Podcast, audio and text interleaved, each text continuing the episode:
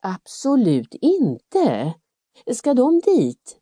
Eh, men ehm, om du ändrar dig och vill fara dit så finns det faktiskt en fin roll åt dig i vår pjäs. Du kunde som sagt spela döden. Det är en stum roll. Du skulle bara stå och se hemsk ut. Georg brydde sig inte om henne. Jag tror det skulle kunna ordnas, sa han till Julia. Ni tar väl med kattrackan? Fast vi kommer att sakna Alex, va? Vi kommer att svälta! ropade någon i bakgrunden. Det var Julias lilla syster Humlan. Hon var alltid hungrig. Och det var deras franska kusin Alex som brukade laga maten. Han tänkte bli en berömd tv-kock när han blev vuxen. Äsch, vi får väl klara oss på korv och pulvermos, sa Julia.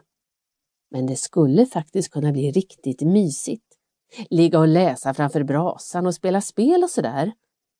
Okej, okay, sa Georg glatt. Det är så stressigt i skolan just nu så man kan behöva lite lugn och ro. Nej, mamma, jag tänker inte spela döden i din pjäs. Men eh, så värst mycket lugn och ro skulle det inte bli den här gången heller.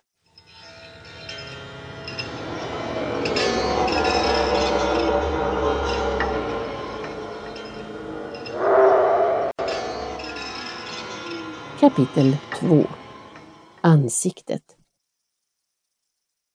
De tre kusinerna och deras moster kom gående i en lång rad på Östhamns smala huvudgata. Eftermiddagssolen stod lågt på himlen och kastade deras skuggor på husväggarna. Först gick Frida med stora kliv, en lång och ståtlig kvinna med trassligt hår uppsatt med hårnålar. Det såg ut som om hon hade ett fågelbo på huvudet.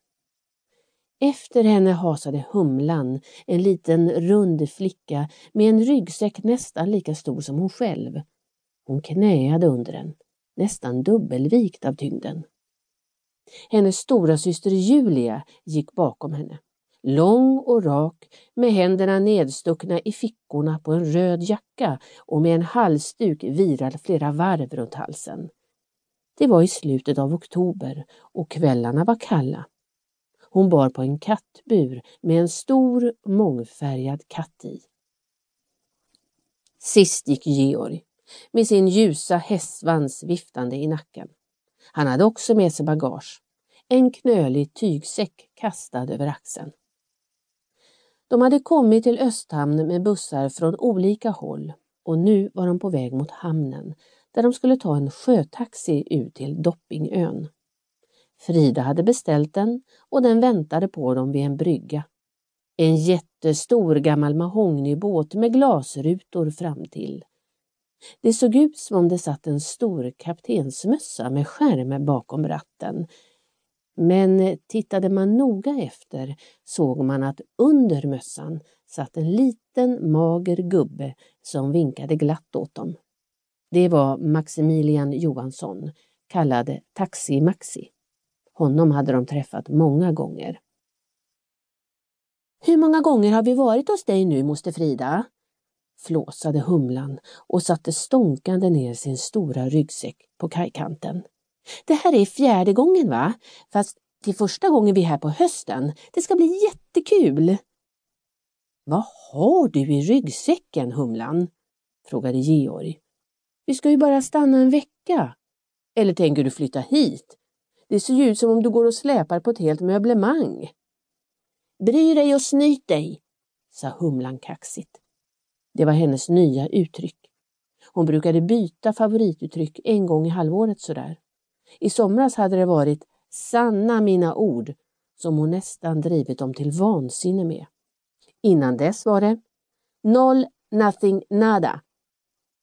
Här, ge ryggsäcken till mig, sa Taxi-Maxi. Humlan hivade den över kajkanten rätt i famnen på honom och han tumlade baklänges och dråsade ner på ett säte. Mössan ramlade av. Oj! pep han. hördes det från kattburen. Kattrackan hade vaknat och trodde att någon pratade med honom. Taxi Maxi tryckte på startknappen och de satte iväg mot Doppingö.